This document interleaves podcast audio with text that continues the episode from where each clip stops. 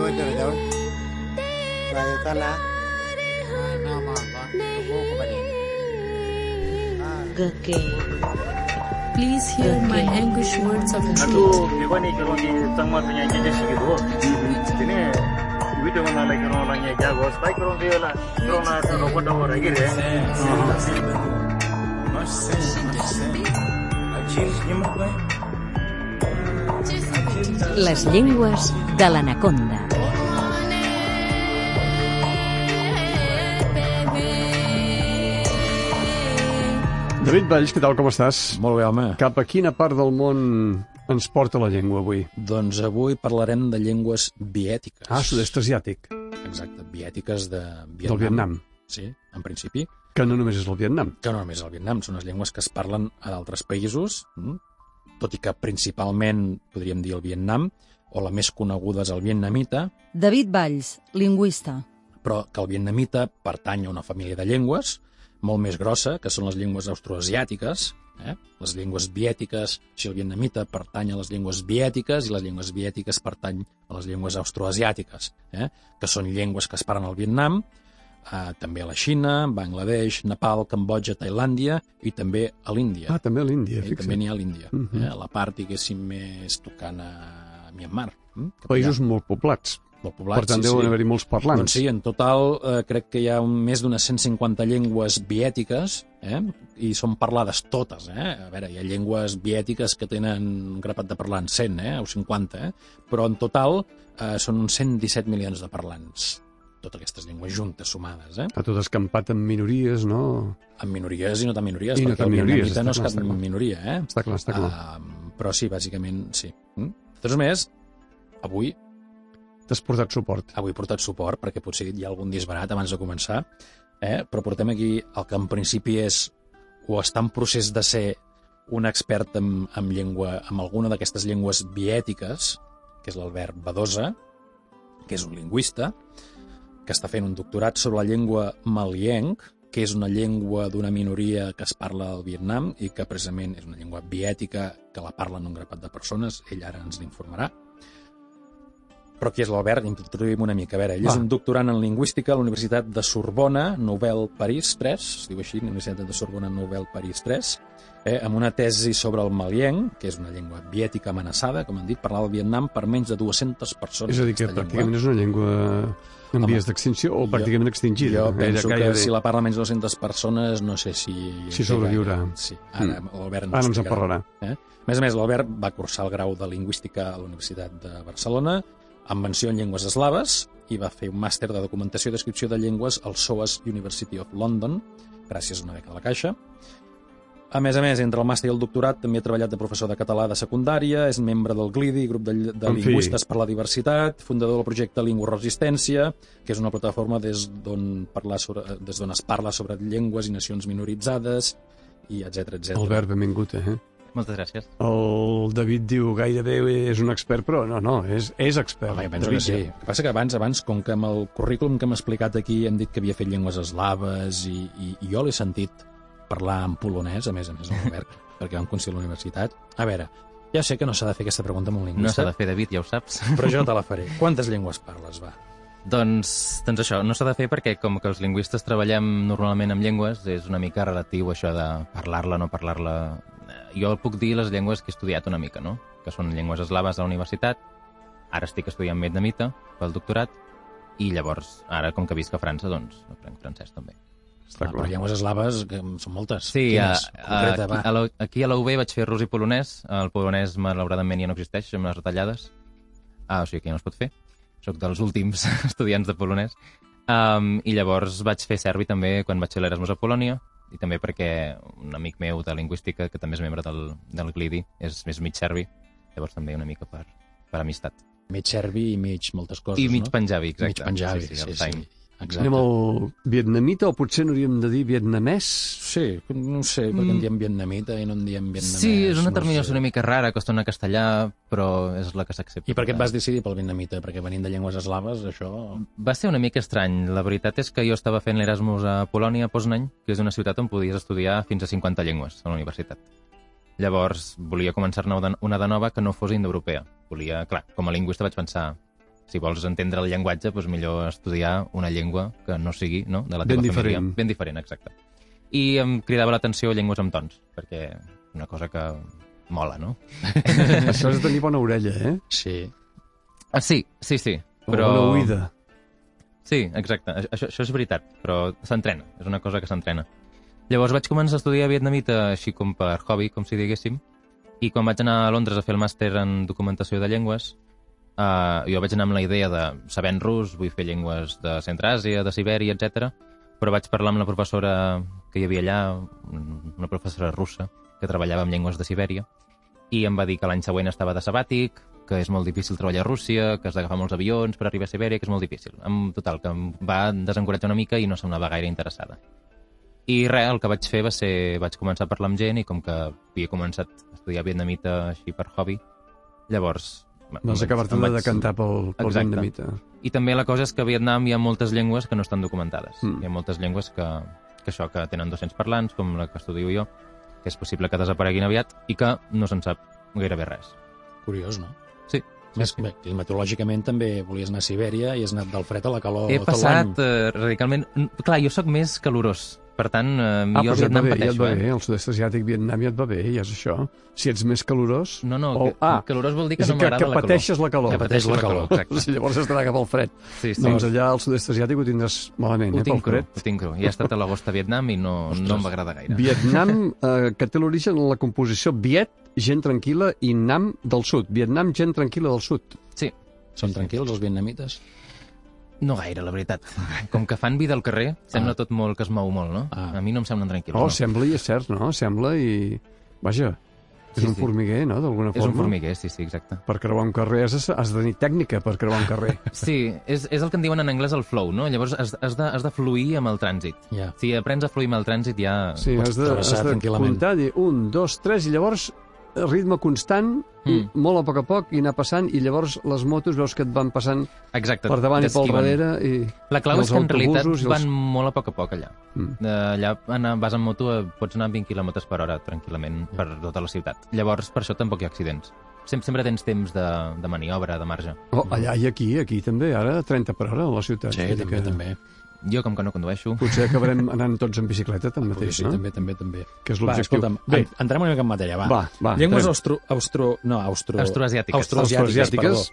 I sembla que hi ha algun problema de classificació amb aquesta de llengües. Sí. Pot ser? Quin és el problema? Què passa aquí? Que si em permets una esmena de, de la introducció... Sí, home, i tant. Uh, hi hi ha hagut un moment que has dit viètiques per austroasiàtiques, Ah, i doncs res, que les 117 llengües són austroasiàtiques, Ah. de viètiques n'hi ha 12. Ah, perdó. Devia No, no, que sí. doncs no passa res, ha sigut. D'acord. O sigui, de- són, són, les austroasiàtiques són, són les 150 llengües aquestes Exacte. que parlen sí, uns que es 117 parlen de milions, el Vietnam. uns 117 milions de parlants Sí. i les viètiques només són 12 llengües. Sí, exacte. D'acord. Perfecte. Que de les austroasiàtiques, la més gran és el vietnamita, que té uns 80, parla... 80 milions perdó, de parlants nadius, i que, de fet, d'aquests 150 milions que hem dit que parlen llengües austroasiàtiques, més de la meitat ja parlen vietnamita. Ja parlen O sigui vietnamita. que les llengües austroasiàtiques és- una família de llengües petites. Mm. Cambodjà tenen també gaire és austro... Sí, el cambodjà també, també ho és, però el cambodjà és la segona més parlada Clar. i són 16. Doncs, que o sigui que de ja fet, baixa entre, bastant. entre el... Ja, ostres, déu nhi Sí. Però vaja, Després les altres n'hi ha alguna d'un, dos milions i ja està. Però entre el vietnamita i el cambodjà pràcticament que hi han fet la família, com aquell qui diu, no? Exactament. Um, pel que fa a nombre de parlants, sí. A nombre de pel que fa a parlants. diversitat, no, perquè és molt més diversa que això. Però sí, sí. I què va ser primer, l'ou o la gallina? És a dir, primer va ser el vietnamita Uh -huh. o va ser el Vietnam? És a dir, va ser el nom de la llengua o va ser el nom del país? Va ser el nom de, del país, perquè el vietnamita fa uns 200 anys, en període colonial francès, es deia Annamita, perquè hi havia el regne de Annam, que tornem a trobar aquesta partícula Nam, eh, aquest, aquesta paraula que vol molts dir noms, sud. el Vietnam. Ha tingut eh, Exacte, sí, Annam, Van Lang... És a dir, Sí. que... Eh, Després també hi havia el regne de Tonking, que també va donar nom a, a, al que és el Vietnam antic, no? Mhm. Medieval. Sí, sí, ha tingut molts noms. Ara el que és, és acceptat és el vietnamita. Va. I el vietnamita, i suposo que igual que el malienc, és una llengua, clar, és una mateixa família, és una llengua aïllant, no? És una llengua aïllant. I tonal. A veure, I què vol dir això, aïllant i, i tonal? Què vol dir aïllant i tonal? És interessant això. Aïllant vol dir que, com, com heu dit també en altres programes, són aquestes llengües que tenen molt poca morfologia o no en tenen. Què vol dir que no tenen morfologia? Doncs que, per exemple, per fer el plural, en lloc d'afegir una S, com fem nosaltres, doncs afegeixes una paraula davant. Dius, eh, molts, cotxe. En lloc de dir cotxes, dius molts cotxe. Jo tinc molts cotxe, jo tinc cotxes, no? Exacte. Uh, llavors, és, és aquesta absència no, de derivació, és a dir, les paraules... Uh, No pots dir petitó, petitet, petitonet, dius petit i punt. No pots Exacte. aquesta... Els verbs no es deuen conjugar, suposo. Exacte, no hi ha conjugacions verbals, uh, no hi ha gènere, No hi ha gènere. exacte. Per tant, aquesta, diguéssim, és la part fàcil d'una llengua. Aquesta és la part fàcil, en realitat, sí. Perquè tu t'estudies una paraula i aquesta paraula eh, és invariable, és a dir, les, les arrels són invariables, se- sempre són les mateixes. Sí, sí. El que és complicat ara és com les combines, que Clar. això ja és, aquí és on hi ha el secret de les llengües aïllants. I la Sí. pronunciació, no? Té També. sis accents diferents. Té sis tons diferents, exacte. Sis, aquests sis tons? imperceptibles Sí, per mira, portat nosaltres. aquí. Va, ens Eh, faci els cintons. Vinga, deixem que s'entoni, entona't. Sempre dius la síl·laba mà quan parles del xinès. Sí. Eh, el vietnamita també té una síl·laba mà, que també es pot Home, dir és amb que llengües tons. aïllants eh, endevinar Es pot dir síl·labes no costa gaire. Sí, tons. no costa gaire. Es pot dir mà i cada to té un significat A diferent. veure, va. Vinga. Uh, primer hi ha el to pla. Ma vol dir fantasma. Després tens el to descendent, ma, que vol dir però, o també és un relatiu. Uh, el, el no i el qual, aquest Ah. és ma. Després tenim ma, que és la galta, o també en el sud vol dir mare. Al nord és me, és diferent. Uh, després tenim ma, que és tomba, quan mors i t'enterren, és la tomba. Després tenim ma, que és un, el to divertit del vietnamita perquè té un, aquesta glotalització al mig, que bé, a mi m'agrada molt, personalment, que vol dir cavall, i aquest, aquesta paraula sí que és un manlleu del xinès, Ah. perquè el vietnamita té un 30% de les paraules són manllevades del xinès. Carai, Déu-n'hi-do. Hi ha gent que diu que és fins a un 50. Ostres, De fet, el, el xinès antic, el xinès clàssic, és una mena, funciona com una, una mena de grec o llatí pels vietnamites per formar paraules, per parlar de ciència, per fer aquests ne Sí. neologismes agafant les igual paraules que nosaltres ho fem del llatí i el grec, ells ho fan del xinès. Exactament. I després, finalment, tenim ma, que és també un to glotalitzat, tot i que no no es percep tant, que és un esqueix de planta d'arròs. Perquè en allà, evidentment, Ah. tenen un vocabulari de, De sobre l'arròs, eh, que ni, ni els abrencs l'abasten, eh? eh? Quantes paraules... Ah, aquí deu ser una altra complexitat. Quantes paraules hi ha per, per referir-te a l'arròs? Clar, eh, pots dir arròs cuit és una paraula, arròs cru és una altra paraula, planta de l'arròs és una altra paraula. Arròs enganxós, una altra paraula. Exacte, sí, perquè hi ha dues varietats exactament i l'arròs enganxós és una altra paraula. Sí, sí. Llavors, per dir, he vist el fantasma de la mare sortint de la tomba amb un esqueix d'arròs a la mà. seria veia un com cavall a l'horitzó. M'ho hauria de cosa. pensar, sí, però... Que veia el cavall, no? però sí, sí, seria una cosa Anant a així. cavall, ma, De fet, hi ha, ma. hi ha poemes que, si voleu, després us en busco algun, Sí, home. que són monosil·làbics, és a dir, que tot el poema està fet amb una sola síl·laba amb tots els tons. I llavors, bàsicament, van... Clar, de fet, està considerada una de les llengües més complexes del món. Uh, això de la complexitat sempre és és molt relativa. relatiu, és molt eh? relatiu, Si això, un complexitat. Jo estic doncs en, que no, contra clar, clar. de... Clar, depèn d'on Sobretot la pronúncia, no? A Clar, però depèn. A veure, des d'un punt de vista, i han m'ha entès la pregunta, eh? Des Diguéssim, del ara, nostre ara faig punt de de lingüista, vista, jo des del nostre Sí, punt de des d'un vista. punt de vista d'un català, clar, és complex, no? Bé, l'Albert Sí. sí. ho pot dir, és aprendre, aprendre una llengua d'aquestes és complex. Sí, sí. Eh? És allò que dius, David, a vegades, no? que la complexitat d'una llengua depèn de la teva llengua materna. Està clar, està clar. és a dir, per un xinès els tons no li semblaran, no, li- no li semblaran no tan són diferents. complicacions. I tenia no, companys no de classe xinesos a classe de vietnamita i, clar, parlaven molt millor que jo, en, en, enganxaven, aprenien De les síl·labes de seguida. En canvi, potser en, en termes de gramàtica, com que jo he estudiat lingüística i ja també ho porto més apamat de la carrera, doncs potser a mi se'm donava millor. Per Clar, el més complex és parlar, perquè si dius una sola paraula, com tu ara has fet amb mà, per exemple, Mm. és, és complex, però és relativament fàcil donar-li el to adequat o l'entonació, no? No és tan fàcil, eh, pronunciar els tons. però quan és parlat, vol Mhm. dir que has d'anar canviant constantment Ah, sí, de to exacte, en funció del significat que li vulguis donar Sí, a cada sí, sí. paraula I no d'aquí t'equivoquis. aquesta musicalitat que tenen aquestes llengües Exacte. quan les escoltes, Sí. quan les sents, no? Sí. No t'equivoquis, perquè has vist que pots dir des de, amb la mateixa mà, pots dir des de Fantasma, tomba, mare, a tomba, mare, cavall, cavall esqueix de planta d'arròs, Sí, sí. no esqueix de gerani No, o no, esqueix no. de... Eh? Sí, sí. Sí. Llavors, eh, el vietnamita, tradicionalment, per influència cultural, evidentment, i com has dit, doncs s'escrivia amb caràcters xinesos, Sí. no? I va haver-hi un canvi allà de- de- de- d'escriptura, no? Van passar a escriure, Mhm. van passar a escriure's, que és com s'escriurà amb caràcters llatins, m'imagino. Amb l'alfabet llatí, Amb l'alfabet llatí. Sí. Com és que es va produir aquest canvi? Bé, va ser per motius colonials, els francesos van estar per allà uns 200 anys i, i bé, el que van fer va ser desenvolupar una escriptura llatina per desconnectar el Vietnam de la influència cultural xinesa, una mica. Perquè abans que hi vinguessin els francesos, els xinesos ja havien envaït Vietnam uns quants cops. Eh, de fet, una dels, un dels mites fundacionals de Vietnam és que l'any 1000 el rei Leloi va guanyar els xinesos a una batalla, llavors a Hanoi hi ha un llac, el llac de l'Espasa, que té, és, la, és la, la llegenda de la batalla, no? que una tortuga va donar un espàs als vietnamites i van guanyar els xinesos.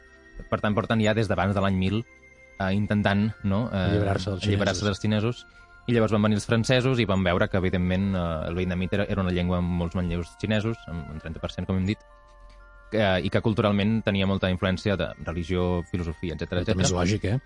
Sí, i van intentar desconnectar-ho. I com ho van fer? Amb l'escriptura. Què passa? Que, clar, amb l'escriptura i ideogràfica que tenen els xinesos, eh, pot, tu pots entendre altres llengües llegint-les, perquè com Sí. que cada ideograma és un concepte, Exacte. no cal entendre la, la llengua, tu pots entendre els caràcters. I com que són llengües aïllants i la gramàtica funciona igual, per tant l'ordre de les paraules és el mateix, els vietnamites podien entendre el, el xinès escrit. El parlat no. No. Absolutament no, perquè és una família diferent. Eh. Però el xinès escrit sí. Llavors els francesos van dir, fora. I així s'ha quedat. Llavors la- l'escriptura xinesa es fa servir per temes religiosos, en els temples, per exemple, Encara es fa servir, doncs, sí. els caràcters... Fan bonic també, és, és Ah. una cosa també simbòlica, eh? Va. I després hi ha alguna persona gran que en els temples, si ets un turista, t'escriu el teu nom amb caràcters, alguna cosa així. Que és possible que se l'inventi perquè el meu nom, mm, No, esclar. Albert, allà no tenen ni idea. Fonèticament fan alguna cosa... Poden sí. fer alguna cosa així, sí. Sorprèn llavors- aquesta animadversió dels vietnamites vers els xinesos, però Sí. en canvi no sents o no perceps tant com a viatger l'animadversió cap als francesos o els nord-americans. No, és més, no absolut. existeix aquesta animadversió. Malgrat que els americans van fer el que van fer. Sí, Clar. sí, no, no, per això vull dir que uh, Sí, havent sí. fet el que van fer els americans i els francesos Mm. en les guerres del sud-est Sí. asiàtic d'Indochina, no?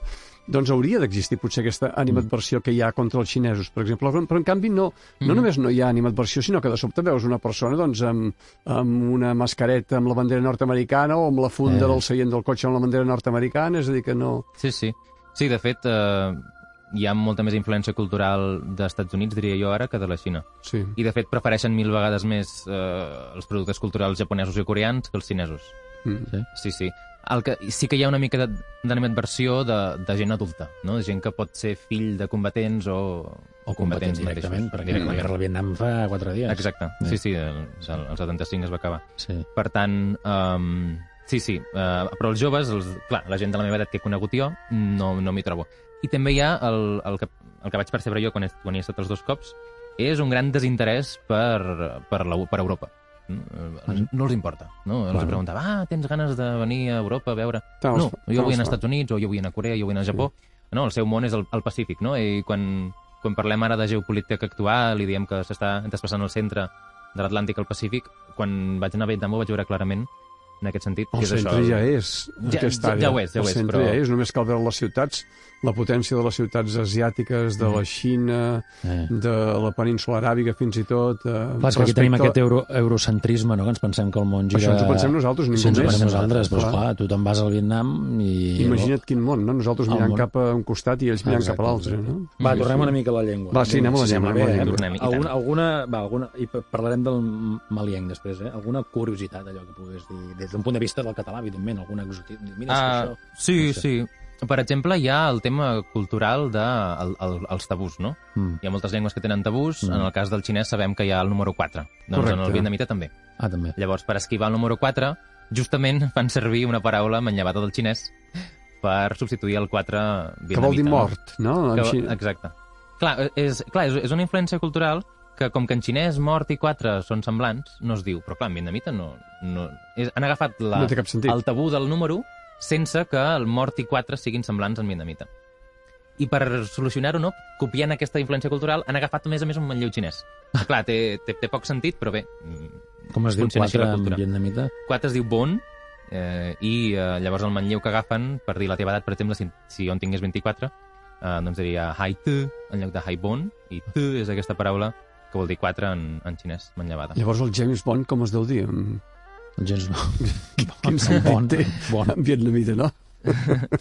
És cert que en vietnamita no existeix ni el jo ni el tu i que en lloc seu es fa servir les paraules germana o germà, Sí, major, menor... sí, sí, això és una mica complicat d'explicar, però sí, eh, per adreçar-te a algú, per parlar amb algú, has de tenir moltes paraules al cap i has de valorar també quina edat té la persona i quin títol té la persona.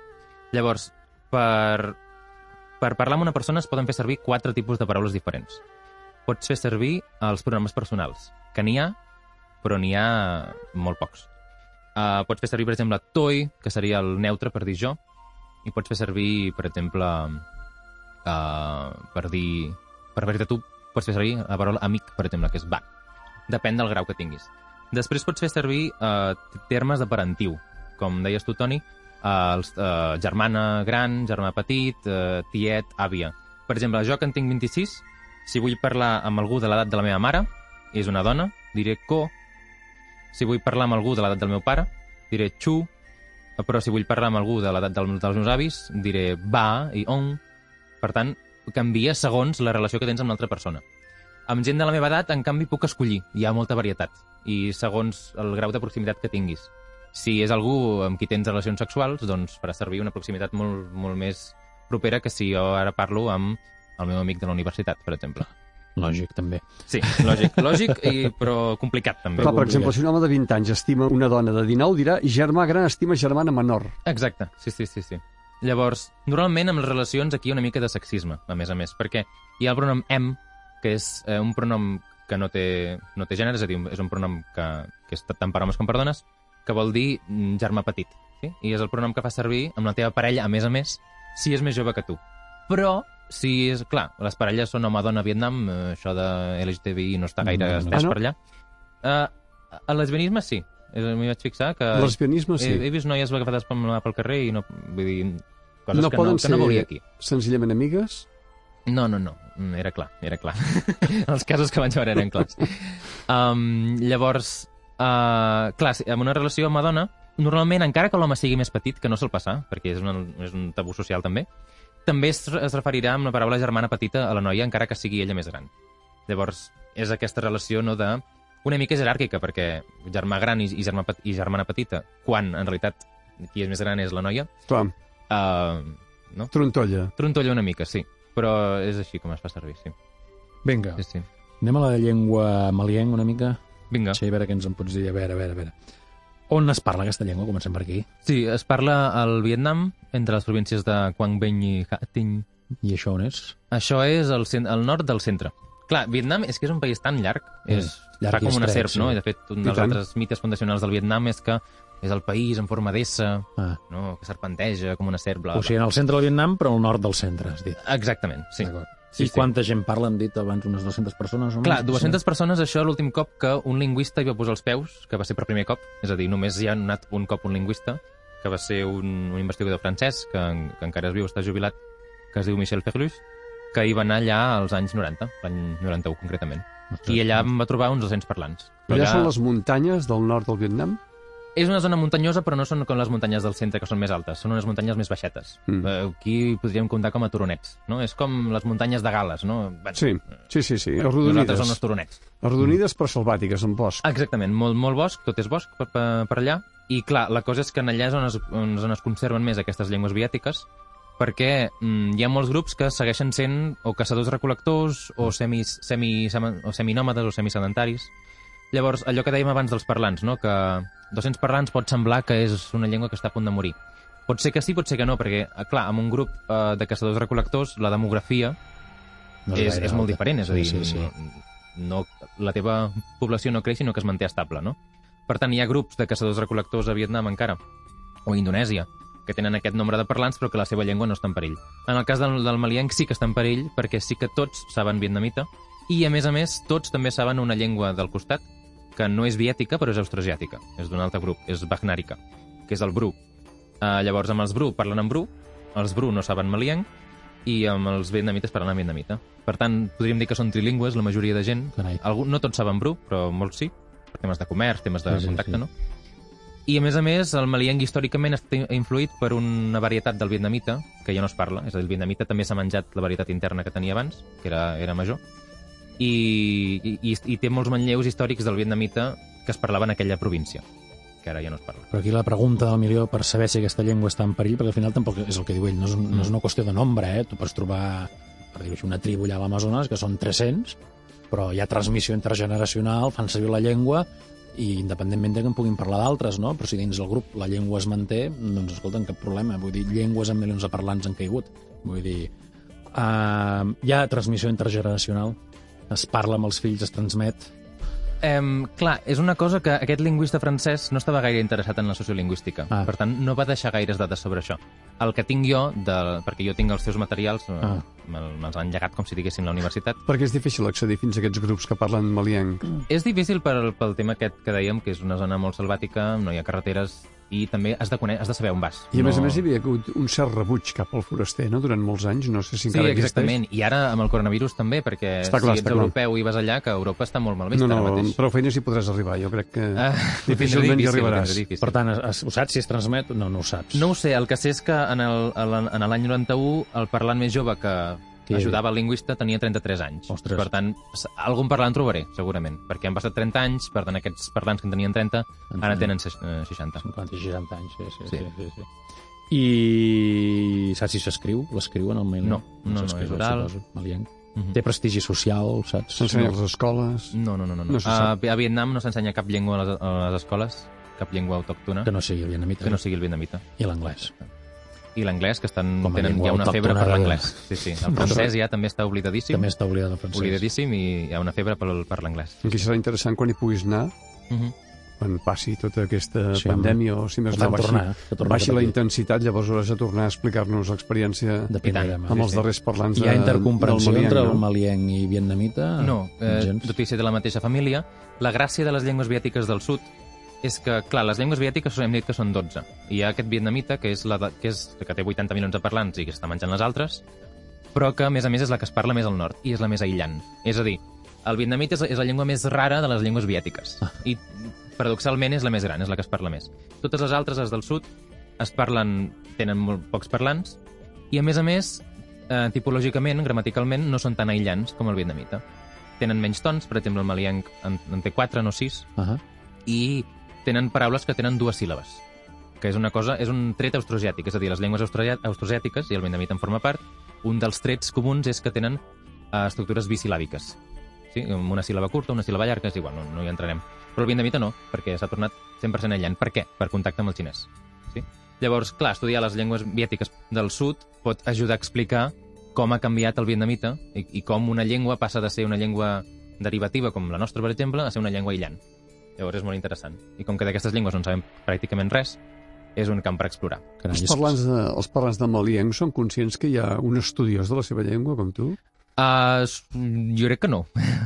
Perquè ja, ja dic, l'últim cop que hi van anar uns lingüistes van ser un lingüista vietnamita, que és amb qui estic en contacte, que en principi em portarà allà amb el cotxe. M'ha dit, sí, sí, jo tranquil, jo et porto, són 5 hores des de Hanoi, ell em portarà amb el cotxe fins allà i em deixarà.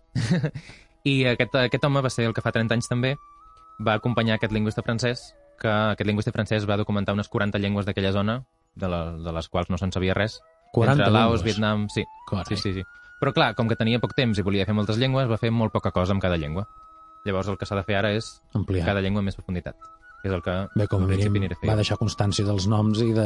Exacte, sí, sí, alguna cosa en sabem gràcies a ell. cosa. I que existeixen també, perquè si no... déu nhi potser- sembla, sembla mentida com en llocs que dius ja plenament descoberts, diguéssim, eh? I de, de, Continuïn de, i, de, i de turisme i de gent i que dius el Vietnam, em digues, mira, Papua Nova Guinea, que no Sí, sé sí. on, no, no, un lloc com el Vietnam. De sobte apareixen 40 llengües. Exacte, que apareguin als anys 90, Sí, que sí. això fa quatre dies, apareguin 40 llengües que no se'n sabia absolutament No, res. també han no? És aparegut com- espècies d'animals que desconegudes, espècies sí, de plantes, és a dir que... però això ja s'ha és s'ha de altra- gratar una mica més aquí, però Però- que apareguin així com 40 llengües del, del no-res, no? Vol dir bé, ells allà ho saben, evidentment, no? Mm. Però bé, ho saben, o no sé si ho saben, perquè potser te'n vas a Hanoi i la gent a Hanoi has de pensar que al Vietnam tothom parla no en vietnamita, idea, no? perquè jo he intentat explicar el meu projecte mm, als vietnamites i no, No saben, no saben ni, ni les llengües indígenes que es parlen al Vietnam Ja. i, a Acostuma més a a més, això, o em també. diuen que... O, o entenen que és un dialecte del vietnamita que es parla allà, o em diuen que no serveix per res perquè és una llengua indígena i... Bueno, mm, exactament. Hi ha, hi ha també molt de racisme intern a Vietnam. Evidentment, el racisme és universal, malauradament, com a, igual que el masclisme, no? Uh, i, I a més a més les diferències nord-sud derivades de la guerra, també, no? També, De... també. del Vietnam, Tot i que, que va ser la gent comunista. jove ja també estan bastant at- at- atenuades, diria jo. El, el que hi ha històricament és molt racisme contra el que es diuen, el que en deien els francesos els, els muntanyars, que són els indígenes que viuen a les muntanyes, no? que és allò que em deies, Toni, d'aquelles Sí. muntanyes del centre, Sí, en els quals segurament nord. els maliencs estarien inclosos, perquè eh, sí, el que passava és que com que són, tenen un mode de vida, no? un mode d'organització social, uh, diferent, es consideraven més primitius, etc Mm. etc. en comparació amb els vietnamites més urbans, més civilitzats, no? Uh, llavors, com que hi ha hagut sempre aquest racisme, doncs les llengües indígenes es veuen molt malament. Perquè Vietnam està dividit... Clar, és un país molt prim i que, a més a més, està, està dividit uh, verticalment. Sí, sí. És a dir, hi ha la costa i hi ha l'interior. Sí, sí. L'interior és aquesta selva, Sí, sí, amb els muntanyosa. vietcongs, no? tot això que en sabem, Sí. però clar, Sí. per, per anar, allà, anar allà a investigar com a biòleg, com a antropòleg, com a lingüista, és molt difícil, Complex, sí. perquè tenim el segle XX, que estava farcit de guerres i de conflictes entre els pobles d'allà, tenim la guerra del Vietnam, tenim els Khmers rojos, que també van Ah, sí. actuar per Sí. allà, tenim molts problemes, per tant, eh, ara potser és el moment d'investigar una mica allà, mm, llavors a veure si la gent s'anima. Ves en compte i no surtis dels camins, perquè també va ser un territori abastament mines, no? bombardejat Exactament, sí. i queden moltes, Sí, sí, moltes mines i molts explosius encara que no, que no han esclatat. Escolta'm, un punt que els uneix per això és l'arròs. Sí, és el consum de l'arròs. Aquí sí que no hi ha diferència. I tan important és el consum de l'arròs que he llegit que per preguntar si has menjat, els vietnamites diuen has menjat arròs ja? Sí, sí, sí. La paraula és, eh, té més significat de, de dinar. Menjar arròs vol dir dinar. El sopar ja és una altra paraula, però sí, sí. Eh, o per preguntar com estàs. Has menjat arròs ja? Eh, com estàs? I Bé, en això- Maliang això- també? En Maliang també? o? A Maliang no ho sé. El que sé és que aquestes comunitats que són més a l'interior, n'hi ha moltes que, que l'arròs el compren en els vietnamites urbans. Mm. Perquè, clar, ells el que tenen és, per exemple, agricultura de muntanya, que ja és diferent. Llavors Cert. mengen, mengen de, derivats de l'opi, mengen blat. Ja. Hi, ha, hi ha bastant de blat allà, que em va sorprendre. Vaig, vaig estar un mes a la província de més al nord de Vietnam, que no té res a veure amb els Maliang, que allà hi ha grups Hmong Mien, que és una altra família. I hi ha grups també Thai, perquè en allà al nord es conflueixen quatre famílies lingüístiques diferents. I en allà eh, això menjaven blat, i fideus de blat eren molt més comuns que l'arròs. Ara, al, al, al poble de la ciutat on jo estava, menjaven tots arròs comprat de, al delta de, del riu groc d'allà, del riu vermell, perdó, de Hanoi. Per tant, eh, sí, sí, eh, per, als Maliang jo espero que em donin molta cabra, per exemple. Sé que són pastors de cabres, Ah, molt bé. per exemple. De Molta cabra. cabra de derivats, no? Tot el que es fa doncs, amb la llet de la, de, de la cabra, formatges, vés a saber. No consumeixen gaire llet. La llet No. és per beure i ja està. No fan gaires formatges, que jo sàpiga. El, el que em va sorprendre una cosa curiosa, si, si voleu, és que en allà les carxofes són molt petites i es mengen quan són flor. Clar, les carxofes sabem que són liles, no?, quan Sí. són flor, però nosaltres mengem el capoll quan Sí. estan tancades. En allà se les mengen quan estan obertes i el fan és una beguda, que és dolça. Fan una mena de, de beguda de carxofa. Que deu tenir I- alcohol. Ser No, fermentat, no? no, Eh, Alcohol és una altra cosa. Allà fan alcohol amb opi i Ah, ostres. déu-n'hi-do com, com tira, eh? Sí, perquè- em vol dir que el vas provar. El, em, vaig estar obligat a provar-lo i el Ah, dia... estar- clar, un una de les ritual de- ressaques més importants de la meva vida va ser el, el dia que em vaig acomiadar de la família amb, amb Que la qual fer la vivia. festa de comiat. Em va fer la festa i en allà és típic eh, de beure eh, amb el convidat, no? O amb, o amb el que se'n va. Llavors has de creuar els braços i has de dir algunes coses i tal, i no pots rebutjar-ho. Si ho rebutges és de molt mala educació. Llavors, clar, tota la família volia veure amb mi i ho vaig veure per cinc persones, no? Clar. Perquè eren els membres de la família, els convidats altres que hi havia. Per tant, déu nhi I és una beguda feta amb opi. Carai, tu. Sí, sí. Ah, per Evidentment, tant, no, no devia saber on estava la porta de sortida. No, Com no vas gaire. acabar tota la ronda, Sí. no? No? no recordo gaire el viatge amb autobús el dia No següent. m'estranya que no... No, no. m'estranya Això que has dit abans de l'arròs també no és l'únic, perquè, per exemple, en japonès, arròs és gohan, però gohan també vol dir menjar, vol dir dinar, també igual, eh? És la mateixa paraula. Mhm. Ara me n'he recordat. Sí, sí, Perdó, sí, eh, que faci exacte. aquest incís. No són totes aquestes cultures asiàtiques basades en l'arròs. Clar, però és que és tan aquí, important aquí, aquí és el pa.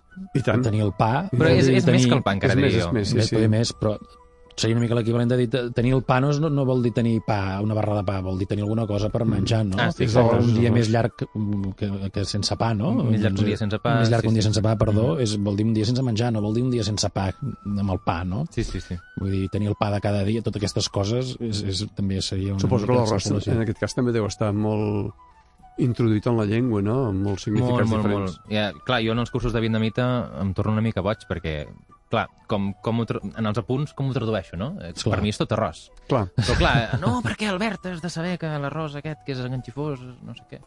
I, I tu ja, ells fan una paraula aïllant per dir aquest arròs i tu necessites una frase explicant allà... Exactament. Bé, Eh, clar, que que això vol de dir- planta d'arròs és mà, com hem dit Clar, abans. clar, que és de clar. mata d'arròs. Mm, clar. Arròs enganxifós, no sé què, que es menja quan el que, Sí. la, el que el cullen a la tarda de no sé quan, és... Puh. Sí, sí. alguna frase per acomiadar-te amb Maliang? Sí. amb- Sí, el que vulgueu. Amb Maliang també en saps, clar, no has tingut oportunitat No, amb- encara de fer clar, treball de Maliang- camp. Bon vietnamita. A Maliang només hi ha disponibles unes dos- 200 paraules que va documentar aquest lingüista Una per parlar. i una per parlant. Perquè són 200 parlants, no? I això quan torni, que hagi Sí, sí. tingut Sí, converses home. amb els malians. Quan, quan torni espero haver pres una mica de malienc, si és que hi puc anar, i si és que em, em conviden Ja, a, sí, segur a viure que sí. amb ells. Esperem que sí. Esperem Va, que sí. explica'ns alguna doncs cosa. en vietnamita. En vietnamita, va. puc parlar de mi mateix, per exemple, que és més fàcil sempre, no? Perfecte. Si ho tinc més fresc. I si no ho dius bé, tampoc ho sabrem. Clar, tu, Eh, perdona, tu has fet la prova en algun restaurant vietnamita a Barcelona? Sí, jo, jo, jo demano un vietnamita. L'únic que els restaurants vietnamites de Barcelona hi treballen nepalesos, normalment. Nepalesos, ah. Sí. Llavors, eh, sobretot he parlat vietnamita a, A ara a París Ah. i a, a Berlín també vaig parlar vietnamita. A plaça Latamendi hi ha un vietnamita amb vietnamites. Sí? No sé si ah, has doncs mira, Vagi, ja, ja, ja Latamendi tinc el següent lloc. És costat, és Besòs, eh, muntanya. D'acord. Sense veus aquesta orientació Sí, abs sí. absoluta, no relativa. Home, deuen, deuen al·lucinar una mica, no?, quan els veus allà, quan els de, de, Una vas a mica, parlar, sí, sí. dius, ostres, i aquest d'on surt, tu? Digues, digues, perdó. Sí, sí, no, no. Res, em presento, eh? Uh, tôi là sinh viên ở trường đại học ở Paris. À, tôi là người Catalonia, ờ, à, nhưng ờ, em sống, em đang sống ở Paris. À, tôi đã ở Việt Nam à, hai tháng, một tháng ở Hà Giang, một tháng ở Hà Nội. À, và tôi sẽ làm nghiên cứu uh, thực địa uh, với uh, dân tộc Mã Liềng. I fins aquí. Ho has entès. David? Sí, home, i tant. No, no entès, no quedat entès ni quan no? ha dit Albert. Tu has dit Albert? No, altre? no, no, ah, no, no, no dic, no, Albert no l'he caçat. He dit, he dit que sóc català i que sóc estudiant Sí, de això de París. ja m'he imaginat que la cosa anava per aquí. Exactament. Bueno, a mi m'ha sonat fantàstic, aquest Sí. vietnamita, no sé com l'has No, vist. sona, Sona- bonic. sona Aquestes llengües no? tonals sí, les geminades, sí. molt, molt Sí, maques. no sé si els acabo de fer bé els tons, però... Per nosaltres ho has S'intenta, fet s'intenta. fantàstic. Tu fixat, Toni, que avui hem sentit parlar en vietnamita a Catalunya Ràdio, això no sé si No sé si és el primer cop, vés a saber, igual... Però si te'n recordes, també ja vam fer venir aquí un lingüista, en Bernat Verdagil, Sí, que ens va parlar amb... Espera't, com era aquella? En Panarà, en Panarà Una i després l'Amazones. Samaca. En Samaca també hem sentit unes paraules. La Mònica, no? La Mònica, sí, Sí. sí. I ens coneixem. Això de lingüística és un poble, ens coneixem tots. Ens coneixem tots. Sí, que això a Catalunya Ràdio... Sí, sí, no, Aquí no. anem forts, aquí, eh, de Poca llengües. conya, poca conya. Poca conya. Molt bé. Doncs moltíssimes gràcies, Moltíssimes Albert. gràcies, gràcies Albert. vosaltres. Moltíssimes gràcies, David. I Cap fins problema. aviat, Albert, t'emplacem a tornar I quan tant. hagis visitat eh, vulgueu. els Malienc. Perfecte. Moltíssimes Perfecte. gràcies. Vinga, gràcies. A reveure. Adéu.